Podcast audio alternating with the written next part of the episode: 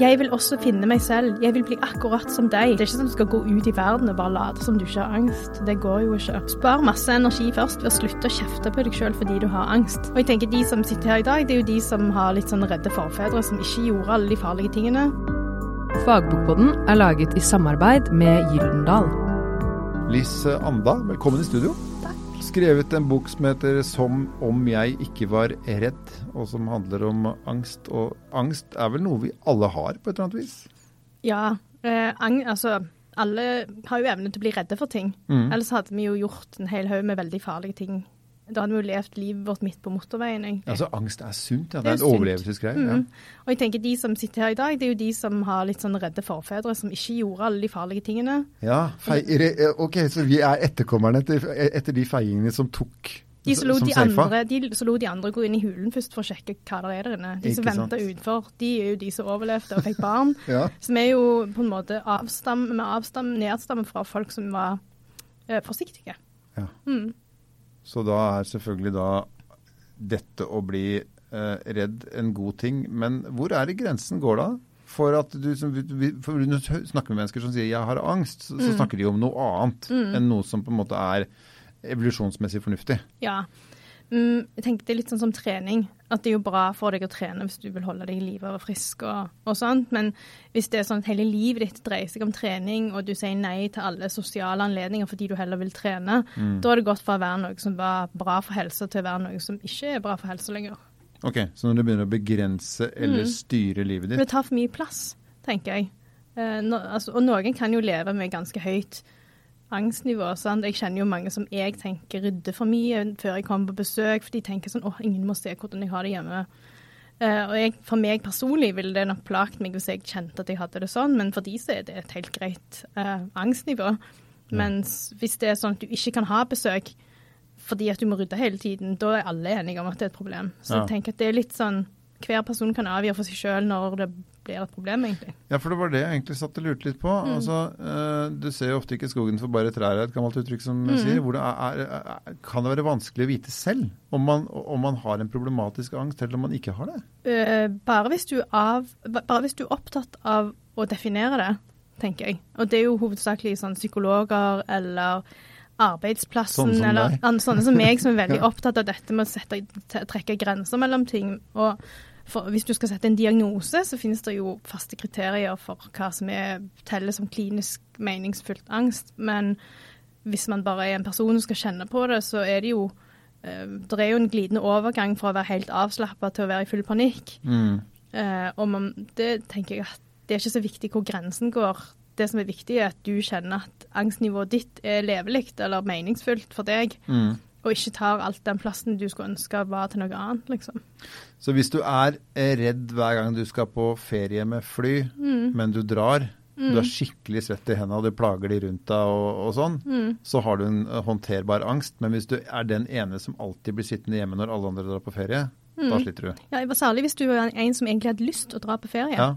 Hvis det er sånn at du egentlig ikke er så glad i å dra på ferie, så er det jo ikke så farlig om du har flyangst. Mm. Men hvis du elsker å reise, og så får du ikke kommet deg ut og reist, og du kjenner at du savner det, så er det jo et problem. Men du snakker også om noe som heter livsprosjektangst. Mm. Det er litt interessant. Hvor det virker som vi nesten skrur sammen et bilde sjøl som vi ikke klarer å oppnå, og så kommer angsten av det. Ja, og det, det handler egentlig om to ting. Det er litt det første som du sier, at det er jo ting i vårt samfunn som styres mot at vi skal få til så utrolig mange ting. Um, Er du litt på sånn flink pike-syndromet nå? ja, jeg vet ikke om jeg liker det begrepet Nei, så godt, men dette, dette å prøve å oppnå for mye på for mange områder samtidig, Ja. fenomenet, som jeg tror egentlig kan ramme begge kjønn, da, Mm. og, og inkludert de som ikke er så flinke. Eh, det er bare at de som er flink, flinke og setter alt inn på å få til alt, de blir jo ekstremt flinke, så vi legger jo Ja, veldig men, merke til men dem. de har kanskje det til felles at de har lagt lista litt høyere enn det som er behagelig hele tiden. Ja, hele tiden. ikke sant? Så de egentlig aldri når målet sitt. Nei, og det, da kan det oppstå det som vi kaller for stressutløst angst ofte. At de bare kjenner at nå, nå var det så fullt at den grensen for hva du tåler, samtidig som kroppen og psyken har det komfortabelt, den nås. Og så oppstår det masse ubehagelige angstsymptomer, at du kan få panikkanfall og sånn. Men du, det der høres det ut som virkelig noe man kan gjøre noe med selv. Mm. For da har man lagt sitt eget Jeg skal ikke si flink pike, jeg skjønner hva du mener. Det er selvfølgelig gjelder alle, og begge kjønn. Eh, alle kjønn. Eh, men da legger man legger lista så høyt At man til enhver tid jobber mot et uoppnåelig mål Mm. og føler på utilstrekkelighet, selv om man måtte være aldri så flink, egentlig. Er, er, har du noen tips til hvordan man kan unngå det? For det der er det mange av oss som gjør. Det er litt sånn som når jeg var på flyplassen i dag morges, og så ser jeg oppi veska mi. Veldig fornøyd med veska. Veldig fornøyd med fin notatbok, fin fyllepenn, god leppestift. Men det er egentlig ikke plass til alle tingene oppi. Bra innhold, men for fullt. Ja, det er for mange ting. Og da er det jo sånn at det eneste det går an å gjøre med den vesken, er at du må ta ut noen ting. Ta ut noe fint, faktisk. Du må ta ut noe fint. Mm. Det er trist, men sant. At uh, Hvis det er sånn at du gjør for mye, uansett hvor mye du elsker å gjøre de tingene, Mm. så må du ta ut noe du liker. Og for noen så er det hvis jo du skal sånn arrangere et selskap, så vil da motsvarende være at du må kanskje ta ut den anekdotiske, flotte talen som du hadde planer om å imponere selskapet med? Det kan òg være at talen din kan være to minutter i stedet for 20. Ja, Kanskje noen rundt deg blir glad. hvis du det kan, være, det kan være gull. Ehm, men eh, så er det jo mange som er så heldige da, at de har fylt opp den veska med ting de ikke liker så godt. At de har bare sånn spiralrigg-notatbok fra OBS liksom, som de Ja. ikke liker så godt, eller de har bare sånn billig Bic Pen. Oi, Mm. det var stygt sagt om Bic. Eh, og da er det jo lett, og da gjelder det å sortere de utover bordet og ta på hver ting og kjenne er det noen av disse tingene som jeg faktisk bare holder på med fordi alle andre gjør det, eller jeg holdt på med det lenge, eller for jeg tror at jeg må, men du liker det egentlig ikke. Mm. Så kan du jo ta ut de tingene først, da, som du ikke egentlig er så interessert i, som ikke gir verdi til livet ditt. Og så kan det jo være det blir plass til de fine tingene utenom, da. Men eh, er det sikkert at jeg har så lett for å se hva som gir mening for mitt liv? Kanskje jeg egentlig er for relatert til hva jeg tenker at andre mener om Altså, meg? hvis, det, hvis ikke du klarer å se det, så er det i hvert fall ingen andre som kan se det bedre enn deg sjøl. Hva som gir mening for deg, det kan jo ingen andre vite. Men eh, jeg tror det var eh, Finn Skårdrud som snakket om at noen folk prøver å konstruere seg sjøl fra utsiden og innover. At ved å Mhm. på en måte plassere alle de ytre tingene på rett plass, eh, i rett konstellasjon, så skal du liksom finne deg sjøl, da. Um, og hvis man er en sånn person som prøver å konstruere seg sjøl fra utsiden inn, så må man jo Nå må man kanskje snu det og lete etter det som er indre. Det hørtes jo veldig psykologisk ut å si. Ja, men du er jo psykolog. Ja, men jeg er psykolog, jeg har lov å si sånne ting. Ja. Um, og han beskrev uh, et sånt bloggkommentarfelt som han hadde sett, og um, der det var noen som sa um, hadde kommentert da, sånn rosa blogg, det var også stygt sagt. Rosa blogg, der det er noen jen, unge jenter som har kommentert um, Jeg vil også finne meg selv, jeg vil bli akkurat som deg. Ja, Ja, det var et paradoks. ja men, og det er sånn mange Sånn finnes det jo folk Noen kjenner seg nok igjen i det. At hvis Mm. du bare blir sånn, eller hvis du bare oppnår det, så skal du liksom bli deg sjøl på en måte. Så skal du kjenne den meningen. Mm. Men det er jo ikke sånn det egentlig fungerer. Mening kommer jo i all hovedsak innenfra, liksom. Så når du sorterer i vesken din sånn som du gjorde i stad, Mm. for å finne noe fint, for at du har bare fine ting oppi der, men det er for fullt, eh, og skal ta ut det, så må du ikke tenke hva noen andre syns det hadde vært lurt at du tok ut. Nei. Ikke tenk Mor mi sa at jeg alltid måtte ha med gnagsårplaster uansett hvor jeg går. For det kan være at moren din hadde et annet liv med andre forutsetninger. Dårligere sinnssykt- sko. Ja, dårligere sko. Eller gikk sykt mye. Mm. eller hadde klamme føtter. Ja. Eh, også for deg så er gjerne ikke det så viktig. Det å tenke på hvor fikk jeg den ideen fra, det var så viktig. Og så tenke på, ja det var den mobberen faktisk på, det var den mobberen i åttende klasse som sa at du må alltid sminke deg før du går ut. Alltid ha med sminke i vesken i tilfelle du ser stygg ut. Og da tenker jeg, er det den personen fra åttende klasse som skal bestemme hva du har med deg nå, eller er det noen andre som kan få lov å bestemme det? F.eks. du sjøl. For du har også fremhevet at det er en grunn til at vi gjør som vi gjør. Ja, det er jo ofte det. Hensiktsmessigheten i ting. Mm. Uh, og da tenker jeg at det, et, ut fra det du forklarer nå, da, så Mm. kan det jo være en grunn til at man gjør det man gjør, men så har man på en måte ikke analysert bakgrunnen og grunnen. Mm. Så man gjør det av en grunn som ikke er sin egen. Mm. Ja, ofte. Eller altså en grunn som du har gjort til din egen, Mm. men kanskje du ikke trenger å holde på med det så mye lenger. Men det kan jo ikke være lett å skille på de tingene. For sånn, så vidt kommer, så jeg rører jo sammen hva som jeg er- mener er hensyn til meg selv og hensyn til de rundt meg, og Mm. hva som i sum gjør at jeg klarer å oppnå en form av for avslappethet. Mm. Så, så vet jeg ikke helt hvor det er knyttet eh, og forankret hen. Eh, Nei, og det vet man jo ikke uten at man har tenkt over det. Og så tenker jeg òg at hvor noe kommer fra i anførselstegn, er jo òg en abstrakt størrelse. Mm. Eh, det snakker om at da lager du Det jeg snakker om, at du lager jo en historie da, om hvorfor noe er meningsfullt for deg. Eh, og den historien må gi mening til deg, den òg. Det er, sånn, det er veldig mye meter der. Men det å sette seg ned og tenke over det du holder på med, og kjenne litt på det, om det er noe som gir mening eller ikke, og tenke over hvor kom det fra. Mm. Um, det kan jo være sunt. Uh, så er det jo noen terapeutiske retninger som mener at man ikke må tenke så sinnssykt mye over hvorfor man gjør det man gjør, og lure på hvorfor man har angst, og hvorfor ting ble sånn som de ble. Du må på en måte bare gjøre noe annet. Og det, er også, det gjelder å finne en balanse, ikke sant. Jeg tenker at um, man har lov å tenke gjennom noe et par ganger, Mm. men hvis du oppdager at du tenker gjennom den samme tingen 15 ganger til dagen, så er det kanskje på tide å ikke tenke over det så mye. Men Lisanda, Mm. du, du er psykolog og skriver altså boken 'Som om jeg ikke var redd'. Mm. Har vi snakket om grunnen til at man gjør ting. Mm. Hvorfor gjorde du det? Hva Um, ville du si som ikke var sagt? Jeg gjorde det litt fordi um, jeg mista ekspartneren min i selvmord. Um, og han hadde masse forskjellige psykiske vansker. Han hadde, hadde, hadde det tungt lenge. Han var veldig deprimert. Men det var egentlig angsten som var verst. Det var det som de ikke kan leve med, tror jeg. Uten at man, vet jo aldri det helt, da. Um, og at det er en ting som jeg kjenner veldig mange som sliter med, og jeg møter jo hele tiden pasienter som har angst, og jeg tenkte at eh, Eh, Jeg følte at det var plass til nok en bok om angst. Altså en bok om angst som tar angsten på alvor, Mm. men som ikke er så alvorlige. Jeg ønsker å skrive en bok som var lett tilgjengelig, med verktøy som man kan bruke for å komme seg ut av skogen, hvis man er i en skog. Ja, for dette, det sier du også. Man kommer seg ikke ut av skauen hvis hvis man ikke går i skogen. Altså, det sånn, hva, har, har du noen tips? Altså, Fins det noen sånne helt håndfaste ting som man, måter man kan tenke på, ting man kan gjøre overfor seg selv, hvis man, hvis man, hvis man sitter og hører på akkurat nå og tenker at Mm. man er redd for neste bølge? Ja, eh, spar masse energi først ved å slutte å kjefte på deg sjøl fordi du har angst. Mm. Det er veldig mange med angst som har dårlig selvfølelse. Akseptere at det sliter du med.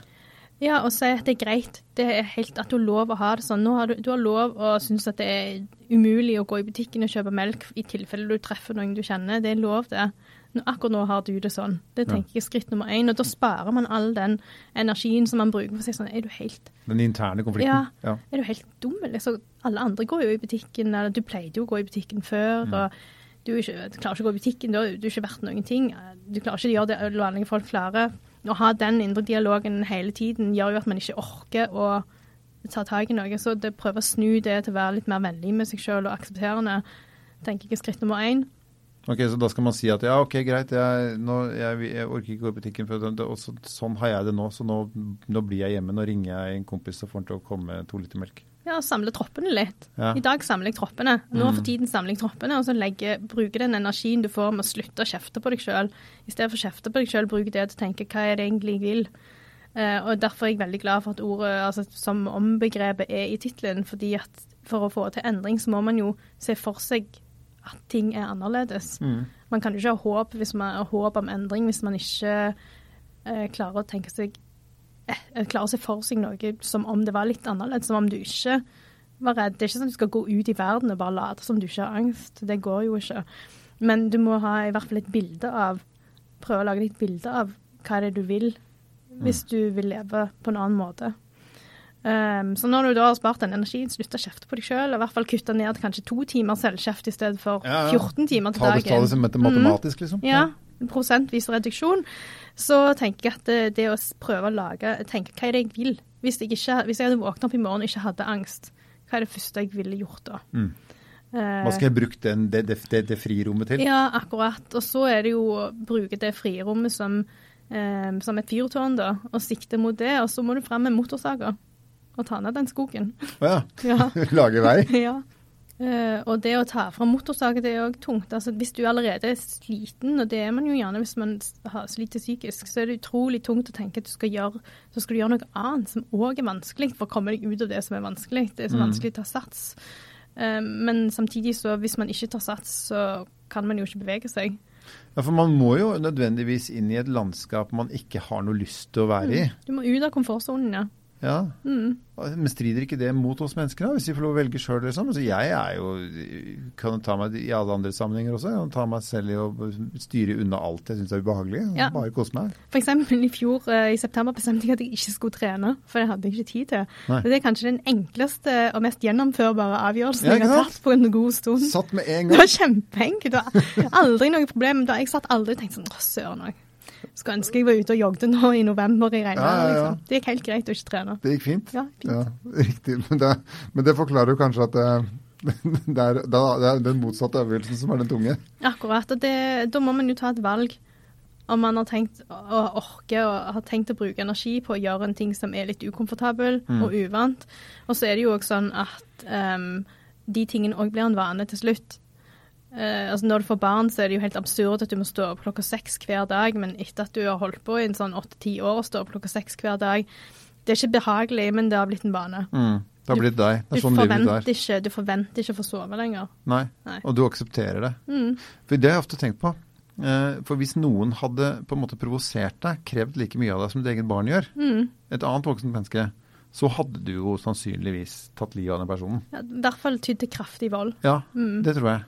Så, for da hadde ikke aksepten vært der. Nei, akkurat. Så du aksepterer Nå er du i den livssituasjonen. Det er et lite menneske som stiller det krav til deg, så gjør du det. Mm. Eh, Du finner roen i at det faktisk er sånn. nei, jeg har mye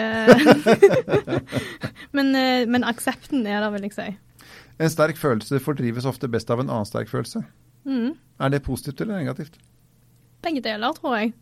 Altså, jeg tenker Hvis du har vært veldig forelska i noen, Mm. eller eh, la oss si at du er liksom ett og et halvt år inne i sånn eh, stormende forhold der du fremdeles er på den der vi er helt like, du The ser meg heydays. Ja, Ja. honeymoon face, og så oppdager du at denne personen har vært utro. Oh. Da er det ikke sånn at den kjærligheten og forelskelsen erstattes av et sånn ja ja, og så kjenner du ingenting lenger. Mm. Du kan bli nummen i to dager, så etter det så det, da, da vokser det ofte frem et ganske sånn sterkt hat. Blir forbanna, ja. Du blir sint? Mm. du blir vanvittig lei deg. og det, Tråkka på. Sånn at jeg tenker at eh, hvis man føler en sterk ting i første omgang, så føler man gjerne en sterk ting i andre omgang òg. men samtidig, eh, vi diskuterte dette litt på kontoret, og hva dette egentlig betyr i angstmestring, at man erstatter en følelse med en annen følelse.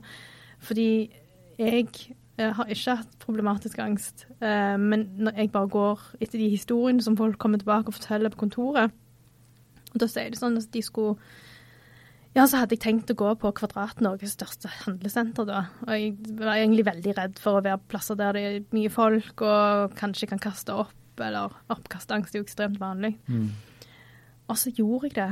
Og så, og så gikk det bra. Mm. Så jeg sånn, hvordan, ja, hvor, hva opplevde du da? Jeg bare sånn, jeg bare, altså jeg ble så letta. Altså jeg ble, jeg ble helt i ekstase på hele denne handleturen, selv om Kvadrat er egentlig en forferdelig plass uansett om man har angst eller ikke. Men den, en enorm lettelse og masse forskjellige følelser som beskriver mestringsfølelse. At jeg ble, jeg ble så stolt av meg sjøl for jeg klarte det. Som jo er kanskje Psykologen vil kanskje si at det er tanker, men de har en sånn sterk sånn positiv følelse som forskyver angsten, da. Um, som sikkert er sammensatt av mange ting. Og det er det jeg mener at um, hvis du har mye, kjenner mye på sterk angst, mye sterk uro, så tror jeg ikke at det blir nødvendigvis så enkelt erstatta av en sånn flat fravær av følelse, på en måte. Det kan like gjerne erstattes av en euforisk lettelse hvor du flyr over gulvet fordi du vant over det hele Du akkurat Du klarte det, liksom. Ja. Og det, jeg føler at man ser det med barn òg, at når de klarer en ting som de trodde de ikke skulle klare, de klarer å balansere av den tømmerstokken, ikke sant? Da er det, jo, det er jo ikke sant at de er sånn ja ja, da klarte jeg det. De blir jo glade. Og sånn er det jo med voksne òg. Sånn at det å finne det der litt lekne rommet der du kan få lov å være glad fordi at du klarte en ting som du ikke klarte i går. Uansett om det er en liten ting eller stor ting, det tror jeg er kjempeviktig å ta vare på de opplevelsene da, av at det, det, var noe, det var noe som bevegte seg der. Da er vi jo tilbake igjen da, til at du må møte deg sjæl der du faktisk er, og ikke legge lista til enhver tid på et nivå du ikke klarer å oppnå. Nei, akkurat. Um, og det òg å tenke at de seirene som er store seier for deg, uh, virker kanskje Ja, kanskje de virker små eller uforståelige for noen andre, men det er allikevel meningsfullt for deg at du gjorde den tingen. Og kanskje kan du gjøre noen sånn fantastiske store ting om en måned eller tre år, men i dag så, gjorde, i dag så sto du opp, og du gikk i dusjen, og du gikk ut og hentet posten din, og du smilte til naboen. Det òg skal feires, tenker jeg. Du har hørt Fagbokpodden, som er laget i samarbeid med Gyldendal.